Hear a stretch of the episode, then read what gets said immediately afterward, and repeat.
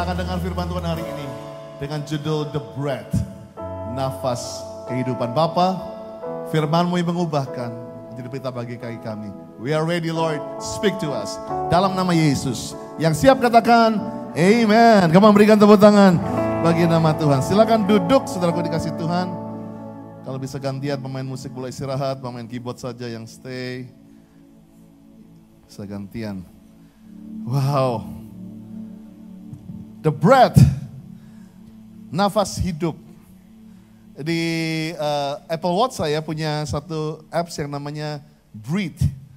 Jangan lupa untuk bernafas. Dia ingatkan kalau sudah sibuk, sudah apa, stand and breathe.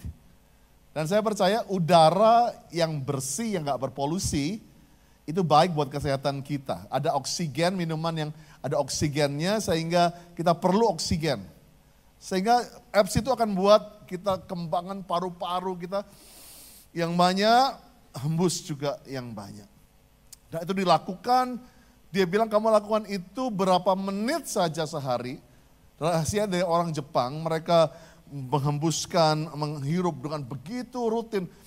Paru-parunya dibiasakan terbuka lebar dihembuskan pelan-pelan. Semenit di pagi, semenit di siang, semenit di malam. Tiga kali sehari saja, maka itu bisa menambah umur 20 tahun. Katakan wow. Ya, bagi saudara yang hidupnya mesra, romantik, luar biasa, senang tambah 20 tahun. Yang hidupnya kayak neraka, nggak suka begitu. Ya, kelihatan dari mukanya begitu. Tapi saya percaya kalau you are love untuk menjadi saksi hidup di dunia, kamu menjadi berkat bagi siapa pun, maka kamu mau hidup panjang. Maka resepnya bernafas dengan udara yang baik. Saya pernah satu kali kehabisan shortness of breath. Napas saya pernah tiba-tiba nggak bisa napas ya. Emang kalau orang sakit asma juga bisa bisa mengaminkan ini gimana rasanya udara jadi tipis. Ya kita ada di tempat-tempat tinggi kadang-kadang juga susah napas karena oksigennya menjadi begitu jarang di tempat yang tinggi. Dan satu kali saya lagi pergi mancing dengan uh, Pastor Billy Nyotoro Harjo dan kami mancing sama-sama. Pulang banyak bawa tangkepan di box-box di stereo foam dan diisikan es batu plus dry ice. Nah, tiba-tiba lagi nyetir, lagi ngobrol-ngobrol, saya mulai kehabisan napas. Mulai napasnya ngos-ngosan. Tapi karena saya kan gengsi sama teman saya, dikira gue nggak olahraga lagi, saya diem. Gak ngobrol tapi diem, tapi sambil hemat napas. gitu. Dan dia juga ikutan diem. Ternyata dia juga kehabisan napas, saudaraku. Pastor juga, tiba-tiba kami lihat-lihatan bilang, ini ada yang kenapa ya kita jadi sakit nih. Tiba-tiba kita nggak bisa napas, ternyata dry ice-nya leak. Jadi udara di mobil itu gak hanya oksigen, tapi ada karbon monoksida, itu, bukan itu, itu knalpot ya, tetapi dry ice itu masuk ke dalam udara kita sehingga jadi tipis oksigennya. Kami cepat-cepat buka dan bisa bernafas kembali. Saya percaya bahwa udara itu penting sekali dan bahkan di kitab Eh, di bahasa Ibrani ada kata ruah, katakan ruah. Lebih keras ruah. Ruah itu artinya angin atau wind or breath, nafas or spirit. Yang kata-kata ruah ini dipakai dari kejadian sampai wahyu begitu banyak. Ingat Holy Spirit bukan cuma ada setelah hari Pentakosta. Yang mengerti katakan amin. Kita udah belajar ya kan, kita udah belajar dari Pastor Timmy, Pastor Doni bahwa roh Allah itu bukan new kids on the block. Bukan anak yang terakhir baru muncul, yang baru ngetop. Bahkan kalau sudah tahu di awal Nuah, ruah itu melayang-layang dan lalu waktu Tuhan berkata, maka jadilah terang, jadilah. Saudaraku, waktu saya baca ini saya percaya, coba sekarang ngomong ruah gitu. Sekarang ke kirinya ngomong di kupingnya, ruah gitu. Nah yang yang tadi ada ada sedikit hembusan ya kan, mungkin sedikit-sedikit hujan segitu kan. Nah saya percaya inilah yang ter, kenapa firman Tuhan itu dahsyat. Pada mulanya adalah firman, karena Tuhan berkata-kata, waktu kita berkata-kata ada nafas yang keluar. Nah saya percaya firman Tuhan, when God said, God breathed, God breathed, firmannya jadi. Waktu kita baca firman, ada ruah, nafas hidup turun, maka firmannya bukan hanya dongeng, tapi jadi kejadian. Berikan tepuk tangan bagi nama Tuhan. Dan ruah inilah yang dihembuskan bukan dari jauh oleh Tuhan kepada the first man, Adam, the first man. Tetapi di firman Tuhan berkata dia harus make sure ruah, nafas itu masuk ke liang lobang yang begitu kecil yang dinamanya hidung ini. Sehingga saya percaya Tuhan nggak pakai kenal pot atau pakai pompa, saya nggak bisa kesedek gitu namanya Adam, tapi dia harus pelan-pelan. Karena pelan harus dekat. Harus nempel. Begitu hidung di sini. Dan saya percaya waktu ruah, yaitu kita belajar bulan ini roh kudus, semua bilang roh kudus. Waktu roh kudus turun, Dikatakan Adam hidup. Banyak saudara yang tadinya mati, tiba-tiba hidup. Dan saya percaya waktu Adam hidup, dia melihat yang pertama dia nggak lihat genderuwo, dia nggak lihat ular, dia nggak lihat orang yang memfitnah dia, dia melihat Tuhan. Dan saya percaya waktu nafas hidup, the breath itu datang, kita bisa melihat Tuhan. Come on, berikan tepuk tangan bagi nama Tuhan. Many of you itu melihat kembali yang hilang itu. Dan saya percaya setiap kita, seperti saya tadi gak bisa bernafas karena atmosfernya itu penuh dengan dry ass. Mungkin engkau masuk saat ini. Dalam rumah tanggamu yang engkau hirup adalah polusi kepahitan. Polusi perceraian. Waktu engkau bangun pagi, rasanya beban, bukan segar. Karena yang kamu hirup adalah kematian. Waktu kau bangun langsung butiran-butiran keringat di sini mati deh gua. Utang gimana ya? Mati deh gua. Ini uang sekolah, mati deh gua, mati, mati. Terus yang ngomong mati, udaranya makin penuh kematian. Kita hirup, kita hirup, kita hirup, kita hirup, mati. Dan kita mengalami kematian. Saya percaya hari ini, izinkan the breath It's your bread, God. Itu berembus di paru-paru kita. Atmosfer itu penting. Seringkali kita masuk ke satu rumah yang udah lama gak ditempatin. Masuk. Kita ngerasa ada sesuatu yang gak enak. Kita tahu ada sesuatu yang harus, ini bukan rohnya, bukan roh Tuhan. Karena atmosfer itu penting. Dan saya percaya di tempat ini, puji-pujian kita itu mendatangkan sorga atas bumi. Kenapa? Kenapa pentingnya? Sebab atmosfer sorga adalah kesembuhan, damai sejahtera, sukacita oleh karena ruah tadi, roh kudus. Waktu sorga turun atas tempat ini, tiba-tiba yang sakit sembuh, yang depresi terbebaskan, yang yang bete menjadi penuh sukacita. Why? Karena atmosfernya beda. Kita mulai bisa, Wah, wah, wah, ini kok bisa tiba-tiba sembuh. Tiba-tiba bisa bersuka cita. Tiba-tiba gua tadinya, oh banyak maki-maki kata-kata binatang, oh kurang ajar, huta babat seda dayara lah basar, terima kasih Tuhan. Engkau baik, engkau sungguh baik, berubah karena kau sedang menghirup di atmosfer, the oxygen of heaven.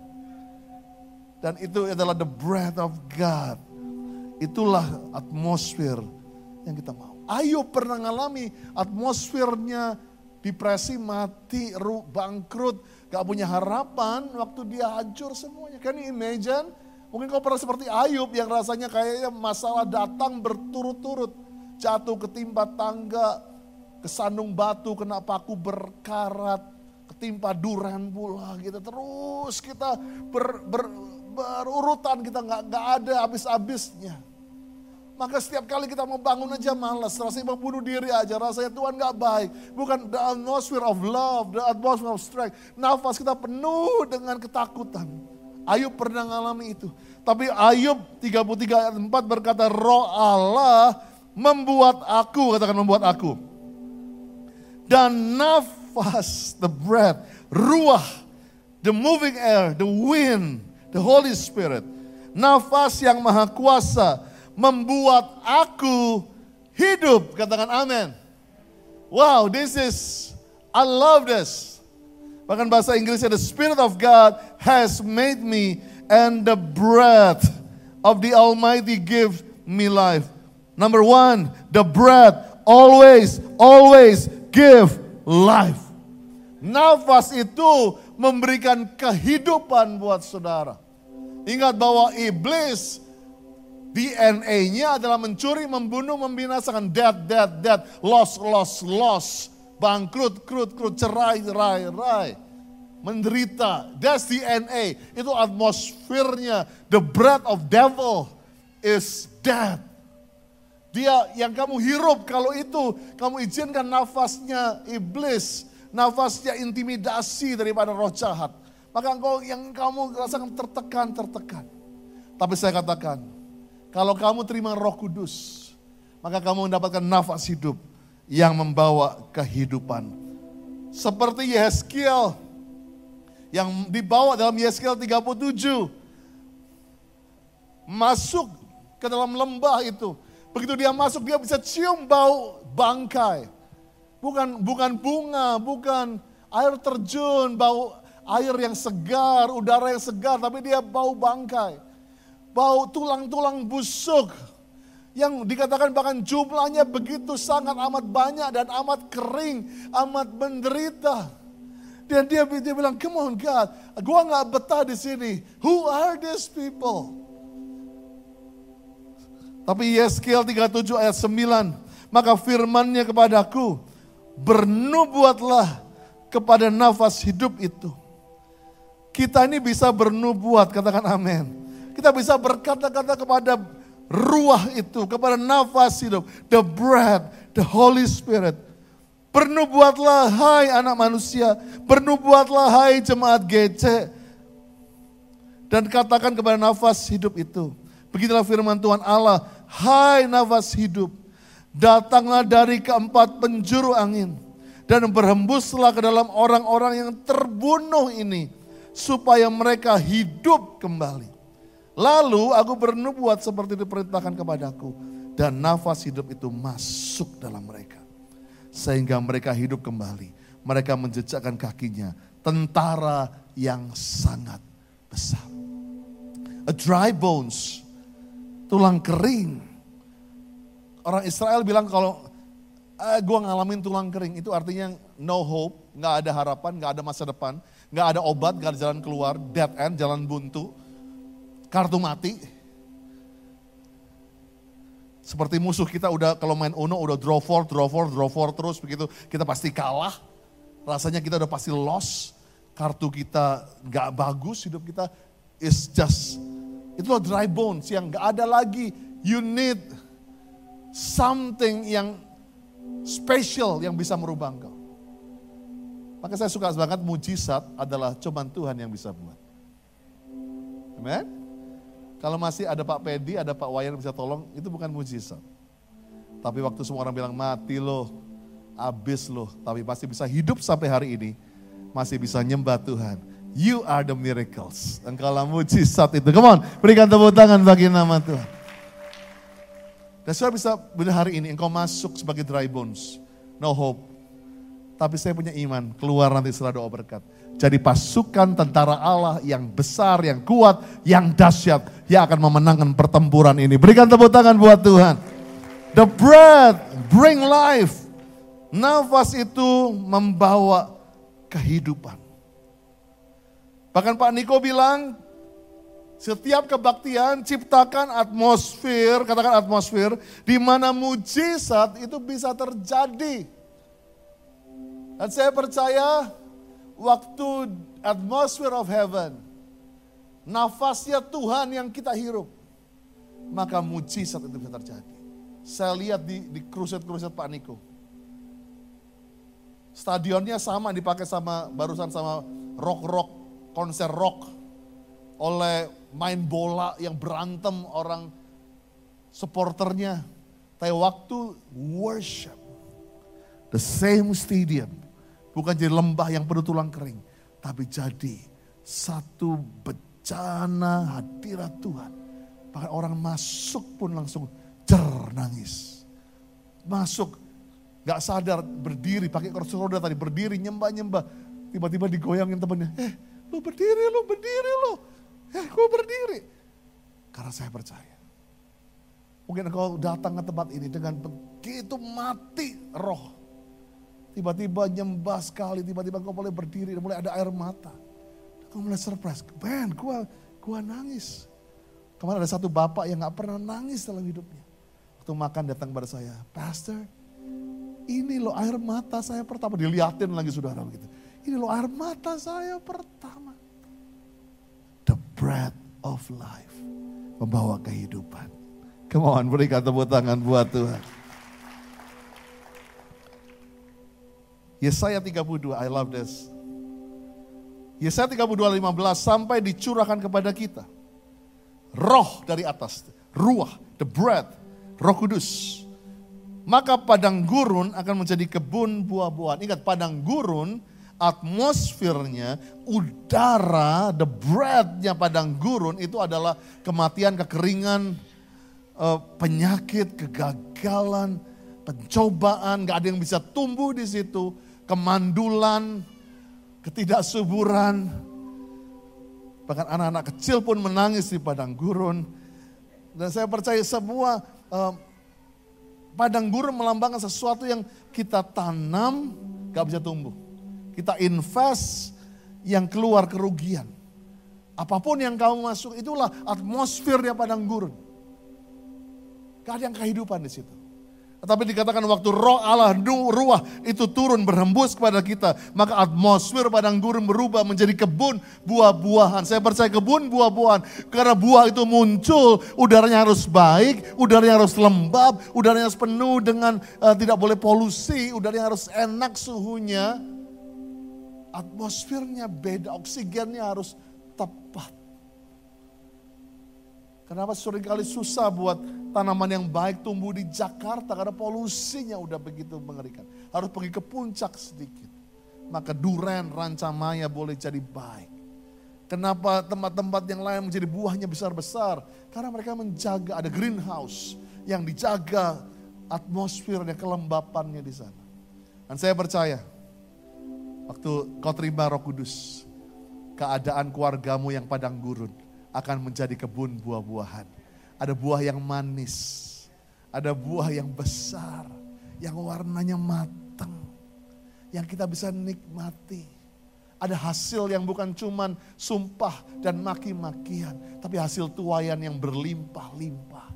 12 bakul sisanya yang Tuhan janjikan dalam hidupmu. Itulah kebun buah-buahan, bahkan dikatakan kebun buah-buahan bahkan berubah jadi hutan. Di padang gurun ayat 16 selalu akan berlaku keadilan. Hukum keadilan itu adalah atmosfer padang gurun. Artinya fairness. Fairnya saya ini nggak bisa jadi pendeta. Karena apa? Saya pernah jatuh dalam dosa, saya pernah berselingkuh, saya pernah nyakitin istri saya, saya pernah jadi bapak yang jadi bapak yang nggak baik, saya pernah melakukan hal-hal yang nggak pantas, fairnya saya lagi di rumah sakit jiwa mungkin, atau terikat, atau ditinggalkan keluarga. Fairnya saya dibuang dan gak dipakai lagi sama Tuhan. Itu fairnya. Tapi saya percaya dikatakan di sini, tapi di kebun buah-buahan berlaku apa? Kebenaran. Dan saya percaya oleh karena ruah dan darah Yesuslah kita yang dulunya miskin, sengsara, mati dijadikan namanya orang yang benar dan berkat ada di atas atap rumah orang benar. Akulah perlindungan kata Tuhan dan orang benar berlari datang kepadaku dan aku akan lindungi dia. Nuh orang benar, maka dia diberikan bahtera. Saya percaya when ruah itu datang, the breath, who Tuhan masuk dalam hidup kita. Bukan hanya kita bisa bahasa roh, that's too small, itu tandanya. Tapi kita mulai bilang, wow, wow, wow, wow, padang gurun gua kok jadi berubah. Gua mulai, bukannya buahnya bukan kecut dan Orang cuman biasa nggak bisa deket sama kita karena kita tuh jutek. Buahnya itu orang, aduh dia mah kasar. Tapi kok dia mulai banyak senyum. Kok mulai banyak orang datang ke Kul Tanjung Duran karena sianesnya mulai berubah begitu misalnya. Amin. Kok ada buah yang beda nih di Kul ini? Karena ada dia yang berubah gitu. Dan saya percaya Promosi akan datang bukan karena saudara jadi pintar. Tetapi ada favor of God, ada perkenanan Tuhan lewat nafasnya yang akan muncul dalam kehidupanmu. Berikan tepuk tangan bagi nama Tuhan. Dan dikatakan, di mana ada kebenaran, di mana atmosfernya benar, di situ akan tumbuh damai sejahtera. No wonder, tiba-tiba kok gue damai banget gitu. Akibat kebenaran, tenang dan ketentraman. Bukan cuma dua jam, tapi ini this is good news. Untuk selama-lamanya dia tinggal dan engkau tenang, damai sejahtera, diberkati selama-lamanya. Berikan tepuk tangan bagi nama Tuhan. Yang kedua, Ayub juga berkata di Ayub 26. Kita belajar dari Ayub yang walaupun atmosfernya kematian, tapi dia berani katakan, oleh nafasnya langit menjadi cerah. Uh, nggak mendung, nggak badai, cerah. Tangan Tuhan menembus ular yang paling tangkas. By his breath the skies become fair. His hand pierce the gliding serpent. The breath, ini yang kedua, defeats the enemy. Nafas Tuhan mengalahkan setiap musuh. Yang percaya berikan tepuk tangan bagi nama Tuhan. Saya percaya this is Waktu Goliat muncul yang tingginya begitu tinggi, Goliat berubah. Maka orang-orang berkata bahwa Goliat is the atmosphere of the sin. Karena itu mengenai ketidakkudusan yang dia lemparkan. Dan bangsa yang begitu biasa melihat power, mujizat, mengkerut, takut. Mereka bilang, jangan berdiri. Man, this is big. Atmosfer di medan peperangan itu takut. Mereka bilang ini nggak main-main. Ini ini Goliat. Tapi saya percaya, kenapa Tuhan sering kali latih kita. Setiap minggu banyak nyembah muji, karena nyembah dan muji itu membuat nafas hidup Tuhan turun. Dan kemenangan menyertai kita. Dan kita mulai belajar mungkin menang dulu dari dari hal yang kecil seperti Daud melawan beruang, melawan singa. Kita dilatih di sini. Karena satu waktu Goliat itu akan datang. Tapi Goliat itu gak akan buat kita takut. Karena nafas itu lebih besar, lebih kuat, lebih powerful dari nafasnya Goliat. Come on, berikan tepuk tangan bagi nama Tuhan. Engkau bisa dilahirkan dari keluarga yang paling berantakan sekalipun garbage. Orang bilang, wah lu mah produk yang gagal. But wait, wait until nafas itu masuk. Maka yang gagal bisa menjadi yang luar biasa. Daud gagal. Papanya aja gak mengakuin dia. Anak buangan. Anak yang mungkin anak haram karena karena Daud pernah tulis, aku nggak tahu ayahku, aku nggak tahu ibuku. Nggak dipanggil, bayangkan. Dia bisa komplain, dia dia dia dia bisa hirup itu pahit sebetulnya, tapi dia memutuskan menyembah dan ruah itu merubah atmosfernya menjadi kemenangan. Dan dia biasa menang atas dia dilecehkan oleh perkataan papanya, oleh saudara, dia nggak peduli. Dibilang anak haram, I don't care.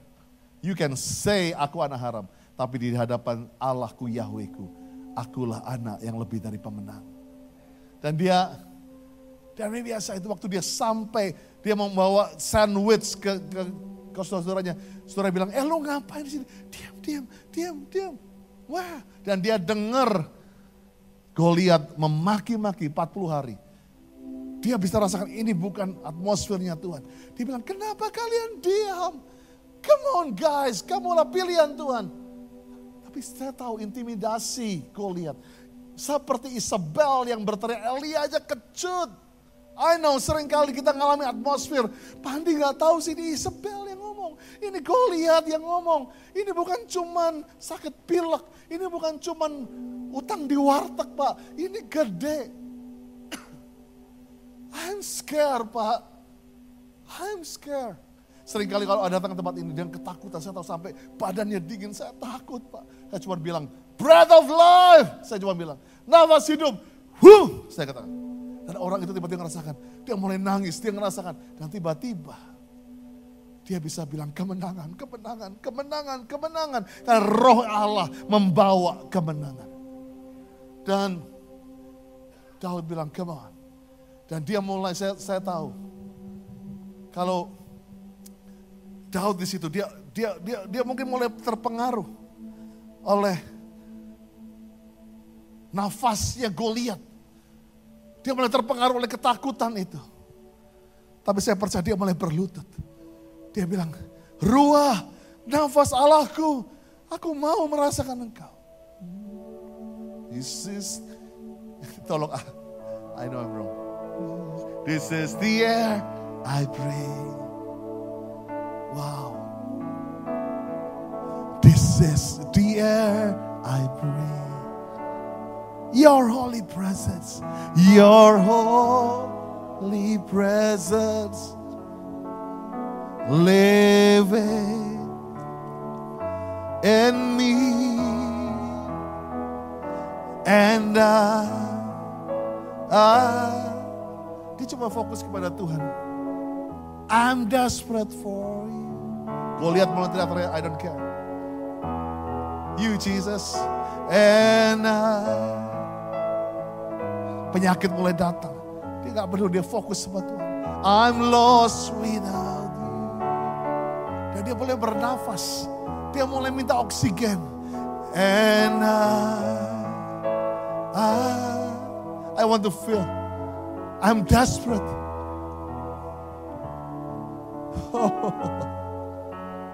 I'm lost without you. Waktu dia dia mulai dia mulai nyembah Tuhan. Goliat terus memaki-maki dia. Tapi saya percaya dia dikuasai oleh satu atmosfer, bukan Goliat tapi ada sesuatu yang mulai muncul dan dia mulai on. Dan saya percaya roh itulah yang mulai membuat dia menang karena dia bilang Firman Tuhan berkata, Daud mencari lima batu bukan dari pinggir jalan. Read your Bible, 1 Samuel. Dia bukan cari sembarangan di orang buang-buang batu, tapi cari batu itu harus di dasar sungai. Semua bilang dasar sungai.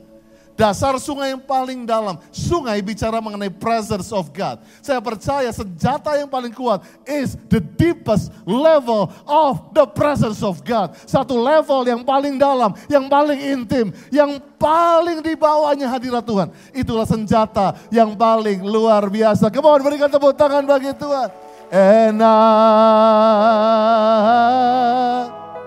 I'm desperate. Oh.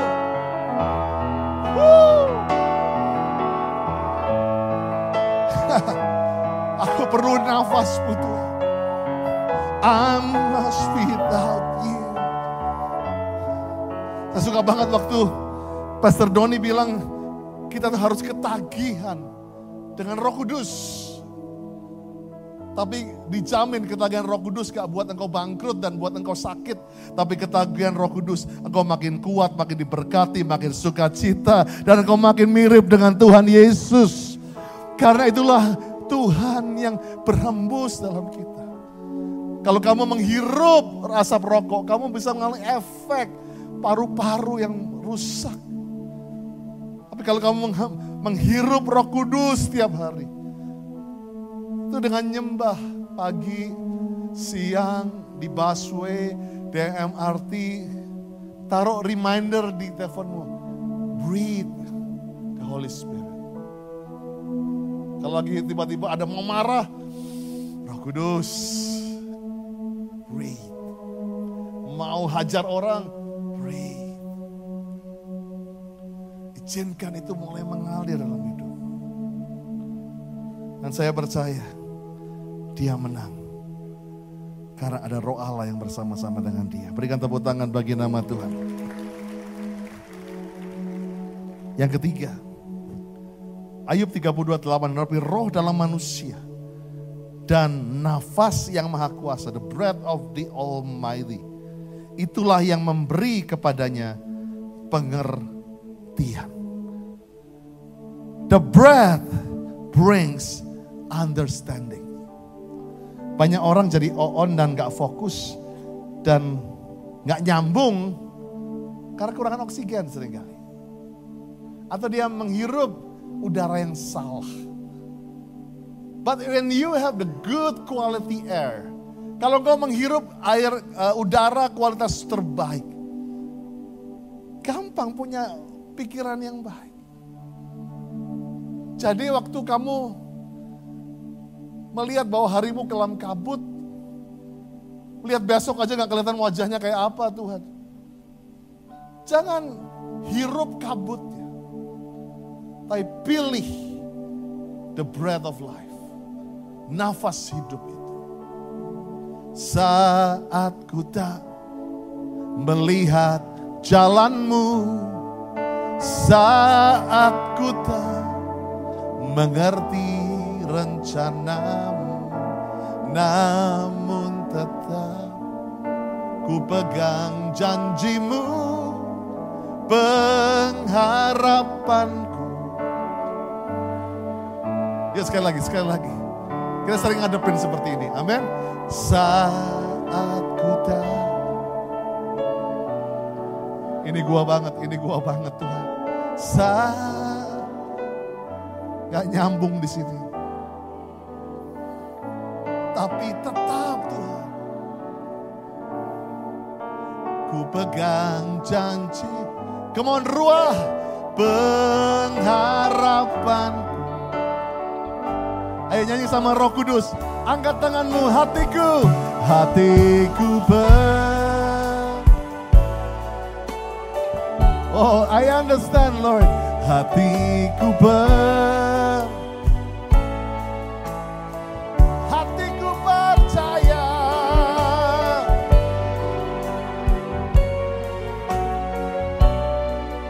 Selalu. Oh kami ngerti, kami ngerti.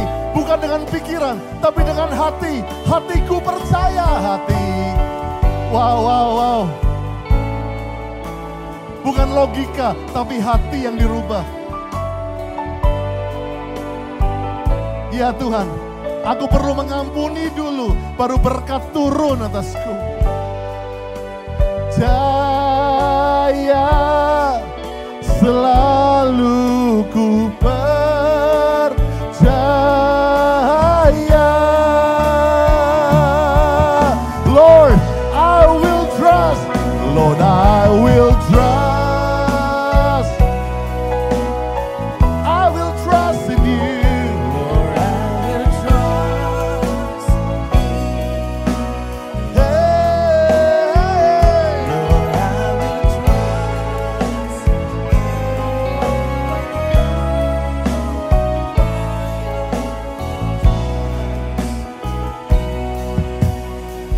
saya percaya waktu kita menghirup roh Allah, kita bisa ngerti dengan hati, bukan dengan pikiran. Karena pikiran bilang, Tuhan bilang, walk in the water.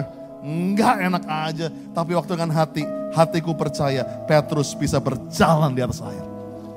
Well, you know, kita sering kali kita nggak mengerti why, why, why, Lord, why. Tapi dengan roh Allah itu, kita bisa mengerti. Dan kita bisa bilang proses is good for me. Karena lewat proses itu aku makin kuat, makin belajar. Dan aku bisa jadi berkat buat banyak orang. Banggalah menjadi produk pernah diproses, dipertajam. Supaya sewaktu engkau bisa lewat semuanya. Engkau bisa menceritakan pekerjaan Tuhan, perbuatan Tuhan yang ajaib. Dan yang keempat, yang terakhir. Saya nggak bisa bahas terlalu panjang. Breath brings healing to the bones. Nafas itu menyembuhkan tulang itu. Hati yang gembira, obat yang banjur. Semangat yang patah, mengeringkan Tadi waktu yang pertama, oh, Tuhan nyembah Tuhan, nyembah Tuhan, berat tiba-tiba turun. Tiba-tiba tuh ada banyak ahli laughter. Oh sukacita. sukacita. Tapi bukan karena uangnya banyak. Bukan karena semuanya oke. Itulah inside out. Roh turun tiba-tiba sukacita. Dan tulang kering berubah menjadi obat yang paling manjur. Karena ada hati yang gembira. Karena waktu nafas hidup itu turun ke tulang kering. Sembuhlah tulang itu.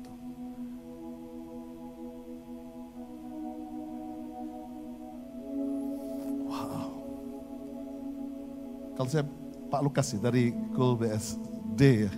Pak Lukas bisa maju sebentar mungkin saya. Oke. Saya baru ketemu Pak Lukas berapa hari yang lalu di BSD. Happy birthday Pak, tepuk tangan buat Pak Lukas baru ulang tahun. Oke Pak Lukas, eh, apa yang di kantong Bapak yang paling berharga? Paling berharga mungkin 100 ribu, 200 ribu. ada oh telepon. Good. Jam-jam nggak ada Pak? Ada. Ini mau dipersembahkan ke GC, oh enggak ya? Eh, ada lagi mungkin Pak, yang mungkin yang yang kurang berharga, ada?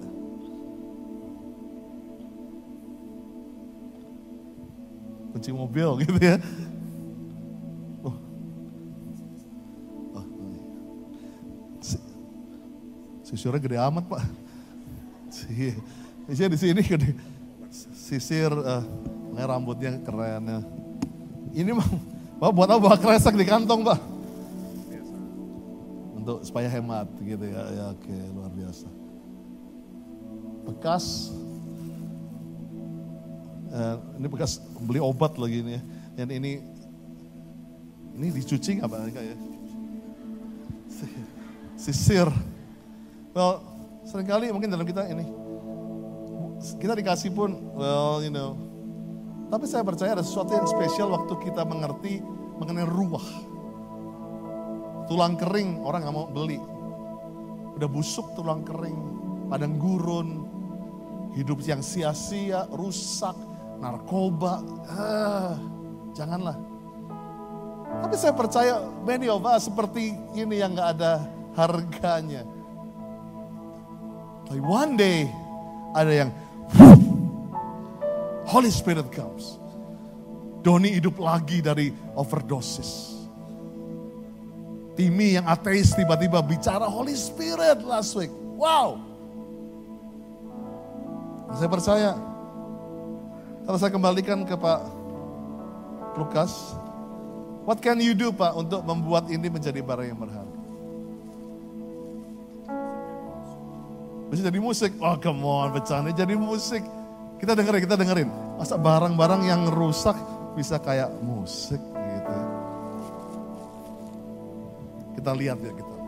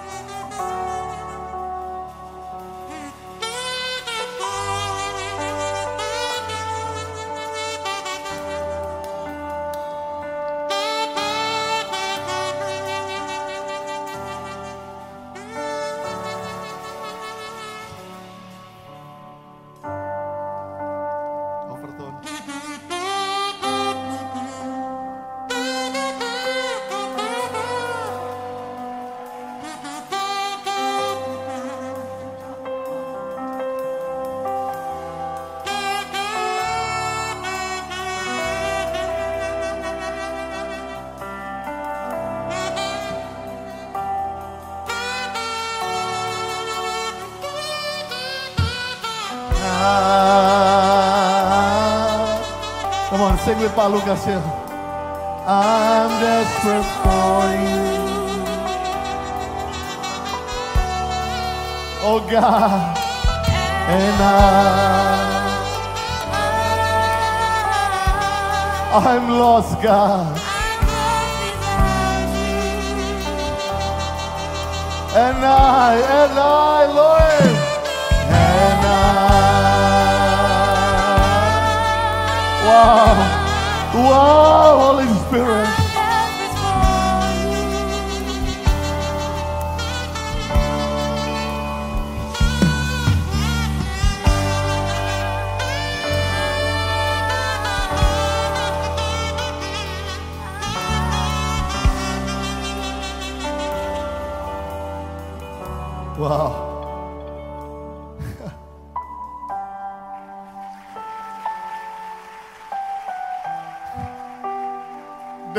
Our God.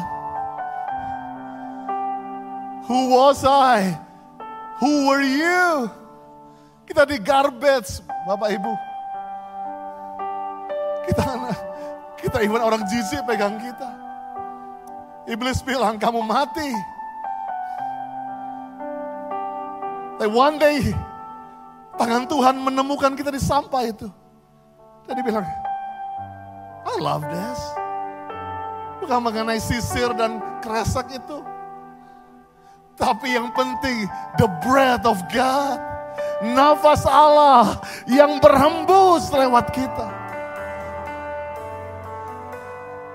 Karena nafas Allah itu satu hari berhembus kepada seorang ateis yang namanya Timi Oro.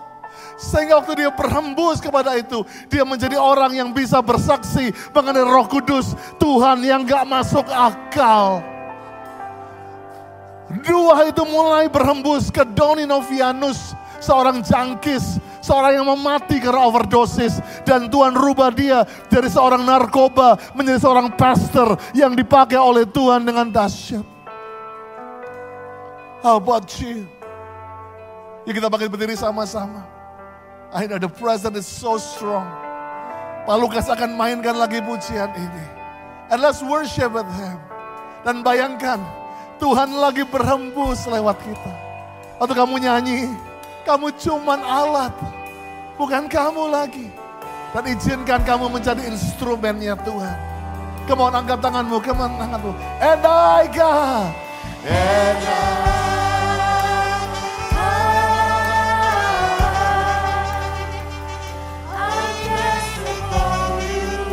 Come on, church. Come on. I, and I, I'm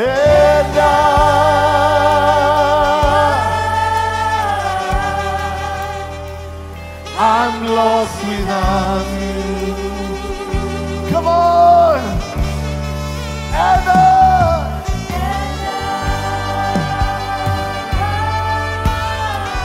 keluarkan air matamu.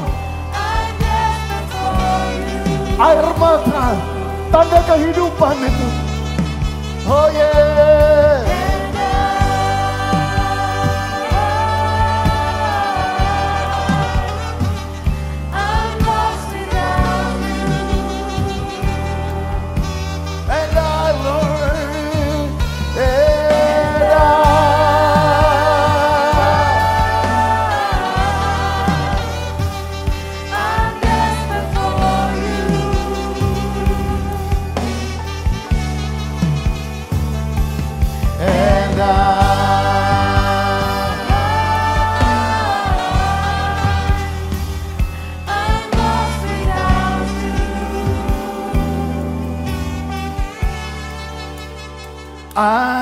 Desperate for you.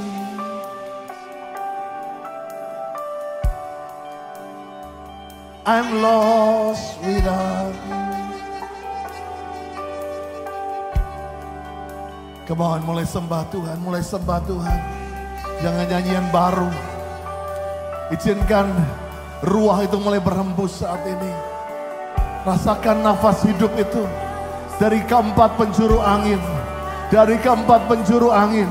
Dari keempat penjuru angin. Ayo sembah Tuhan, buka hatimu. Buka hatimu, buka hatimu. Buka hatimu, buka hatimu saat ini. I'm lost. I am lost without you. I'm lost without you. Hey, come on.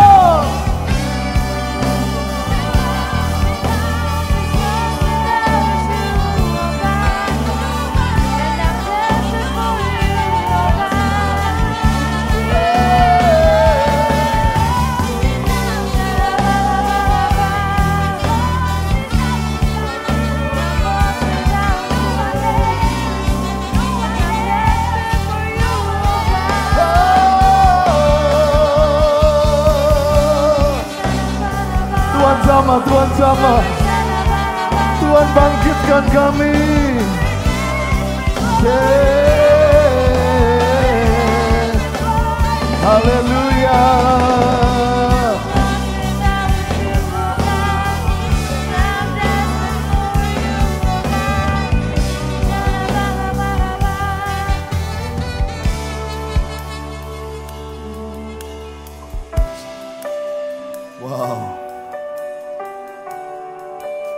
Spirit of God, Spirit of God is here.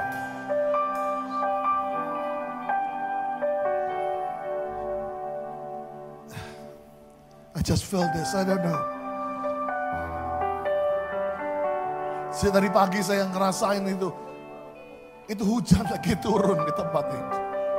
Saya nggak kuat, saya terus, saya nggak bisa kuat dari pagi, saya nangis. Dan tadi yang altar call itu dijamah Tuhan. Oh, I know I'm tired. Uh, Bapak Pastor akan bantu saya. Nanti setelah doa berkat, kita open this altar. Siapa pun boleh maju. And I'll pray for you. Supaya nafas hidup itu boleh turun atas saudara. Amen. I love you guys so much. I love this church. Dan saya mau saudara menjadi orang-orang yang yang hidup kembali. Yang mendapatkan ruah itu dalam kehidupan saudara. Hora basikara. Ira babas. Hora. Turn your eyes upon Jesus. Look full in his wonderful